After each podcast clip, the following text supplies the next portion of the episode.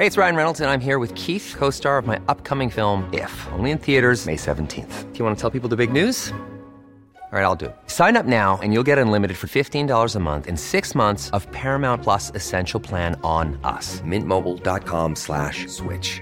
Upfront payment of $45 equivalent to $15 per month. Unlimited over 40 gigabytes per month. Face lower speeds. Videos at 480p. Active Mint customers by 531.24 get six months of Paramount Plus Essential Plan. Auto renews after six months. Offer ends May 31st, 2024. Separate Paramount Plus registration required. Terms and conditions apply if rated PG. Hiring for your small business? If you're not looking for professionals on LinkedIn, you're looking in the wrong place. That's like looking for your car keys in a fish tank. LinkedIn helps you hire professionals you can't find anywhere else, even those who aren't actively searching for a new job but might be open to the perfect role. In a given month, over 70% of LinkedIn users don't even visit other leading job sites. So start looking in the right place. With LinkedIn, you can hire professionals like a professional. Post your free job on linkedin.com slash people today. Har du också öronvärk över alla de som gnäller i vardagen? De som ständigt gnisslar, tvivlar och påminner dig om att det alltid finns en negativ aspekt värt att kika närmare på. De är som ett svart hål som suger ur all positiv energi som fanns i det där rummet alldeles nyss. Vore det inte härligt att kunna få folk att sluta gnälla och se saker positivt utan att det för den delen ska bli så glättigt? Men det behöver väl för tusan inte vara så gnissligt? Det tycker inte jag och jag är säker på att du känner samma sak. Så nu hanterar vi gnällspikarna. Det här är veckans retoriktips i Snacka snyggt med Elaine Eksvärd. Jag gillar att ge meningar och jag tänker att du ska ha ett gäng beroende på status på gnällspiken du har att göra med. Det kanske är en person som oroar sig väldigt mycket när utmaningar kommer eller kanske när nya rutiner kommer på tal på jobbet. Du vet sådana här förändringsföraktande varelser. Det finns några sådana. Så vad ska du säga när du har ett förslag och de tycker att det kommer aldrig gå? Då ska du säga, jag ser din oro och jag förstår den. Men du, om vi kikar lite på lösningarna, vad tror du skulle kunna vara ett bra förslag där? Nej, men så jag håller med om att det kan bli gnälligt och att det kan kännas som gnäll i vissa lägen. Men just i det här exemplet så kan jag också se att det är liksom vanlig oro kring en stor förändring. Mm. Och det kan jag väl säga att det tycker inte jag är gnäll. Jag håller med dig. Jag håller med dig. Det, det är ju inte det om man ett tillfälle säger jag är orolig för det här. Man ska ju absolut kunna uttrycka sin oro. Men förändringsföraktande varelser, de har som ett kroniskt beteende att alltid komma med negativa synpunkter när det kommer en förändring eller en ny idé. Okay. Så då blir det här kroniska gnället, det är mer ett mönster än tillfällig oro. Så det handlar om att avleda uppmärksamheten från oro och gnäll till förslag och lösningar utan att ignorera gnället. Du bara väljer att se gnället, men du går vidare från det.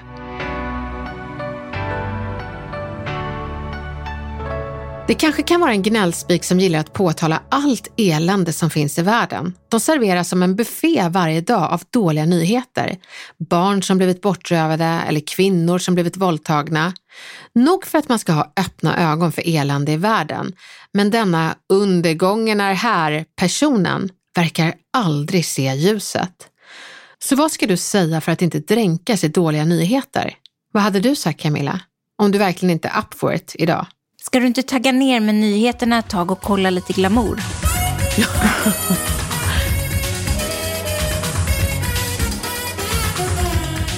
och det, wow, hade du vågat säga det?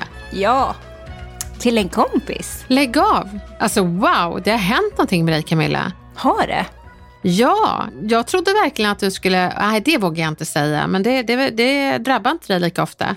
Nej men det här tycker jag är så, det är ju verkligen ofarligt.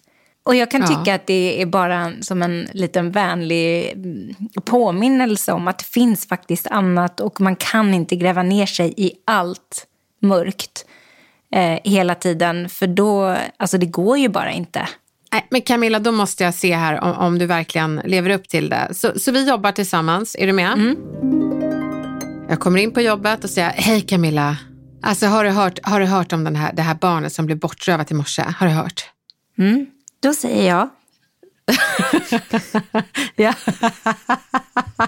jag hör på dina samarbeten. Mm. Mm. Nu, nu är det inte härligt längre. Nu är det inte härligt längre, men låt Nej. mig bara samla mig lite. Men kära någon, alltså du vet den här världen är ju inte riktigt klok. Det vet ju både du och jag. Men du kan inte grotta ner dig i varenda läskig nyhet. För att du kommer ju drunkna snart. Och jag känner någonstans så här, jag kan inte börja dagen eh, med såna här eh, hemska nyheter. Utan vi, vi tar en kopp kaffe och så pratar vi om eh, talang. Så, så jävla bra Camilla. Så jävla bra. För grejen är den, du sätter gränser. Du förringar inte nyheten. Och eh, du, eh, du säger det med omsorg om mig, när det egentligen är du som inte vill höra skiten jag dumpar över. Eh, men, men du gör det på ett väldigt snyggt sätt. Så du säger du kommer drunkna. Men om jag är en jobbig jävel som bara, nej jag drunknar inte, jag klarar det här. Klarar du det? Ja, då får man nog ta och dricka det där kaffet själv och gå ur fokus. Skitbra Camilla. Tack! Så det här grottandet är viktiga men också deppiga nyheter. Det kan man säga gör en stressad om man vill, liksom, om man vill rikta fokus mot en själv. Och så kan man fråga, har du några positiva nyheter på lager när vi ändå pratar nyheter? Men jag måste varna er ändå. Ibland så behöver man inte alltid vara den där hurtbullen som ber folk att se saker från den ljusa sidan. Och man behöver inte vara motpolen till negativa varelser. Ibland kan man bara adressera det som personen inte vet, nämligen att hen gnäller. Så jag tänker att vi ska testa. Camilla, jag kommer gnälla och du ska få testa att stoppa mig. Inte genom att se saker ljust, utan faktiskt berätta att jag gnäller. Det du ska säga är, du ska berätta att vi ska göra en förändring i eh, podden. Och så ska du hantera, berätta för mig att jag gnäller. Försök inte vara positiv, utan bara berätta att jag gnäller. På ditt sätt.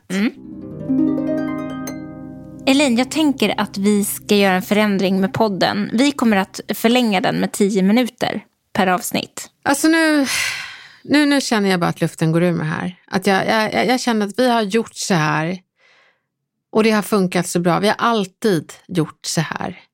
Nej, alltså det här, jag, nej, det känns inte bra alls. Nej, men nu känner jag ett motstånd igen. Igen. Jo, men så var det förra gången vi försökte förlänga avsnittet också. Och det gick ju hur bra som helst. Ja, fast jag tycker att jag känner ett motstånd när vi ska förkorta avsnittet. Nu är du ett motstånd. Ja, det var inte bra. nu trampar jag i klaveret. Jajamän. Eh, vänta då, om vi, om vi spolar tillbaka så kanske jag ska säga... Varför detta motstånd? Bra! Precis, varför detta motstånd? Vad är det som skaver? Skitbra! Det är svårt för mig att bli kränkt när du pratar om detta motstånd.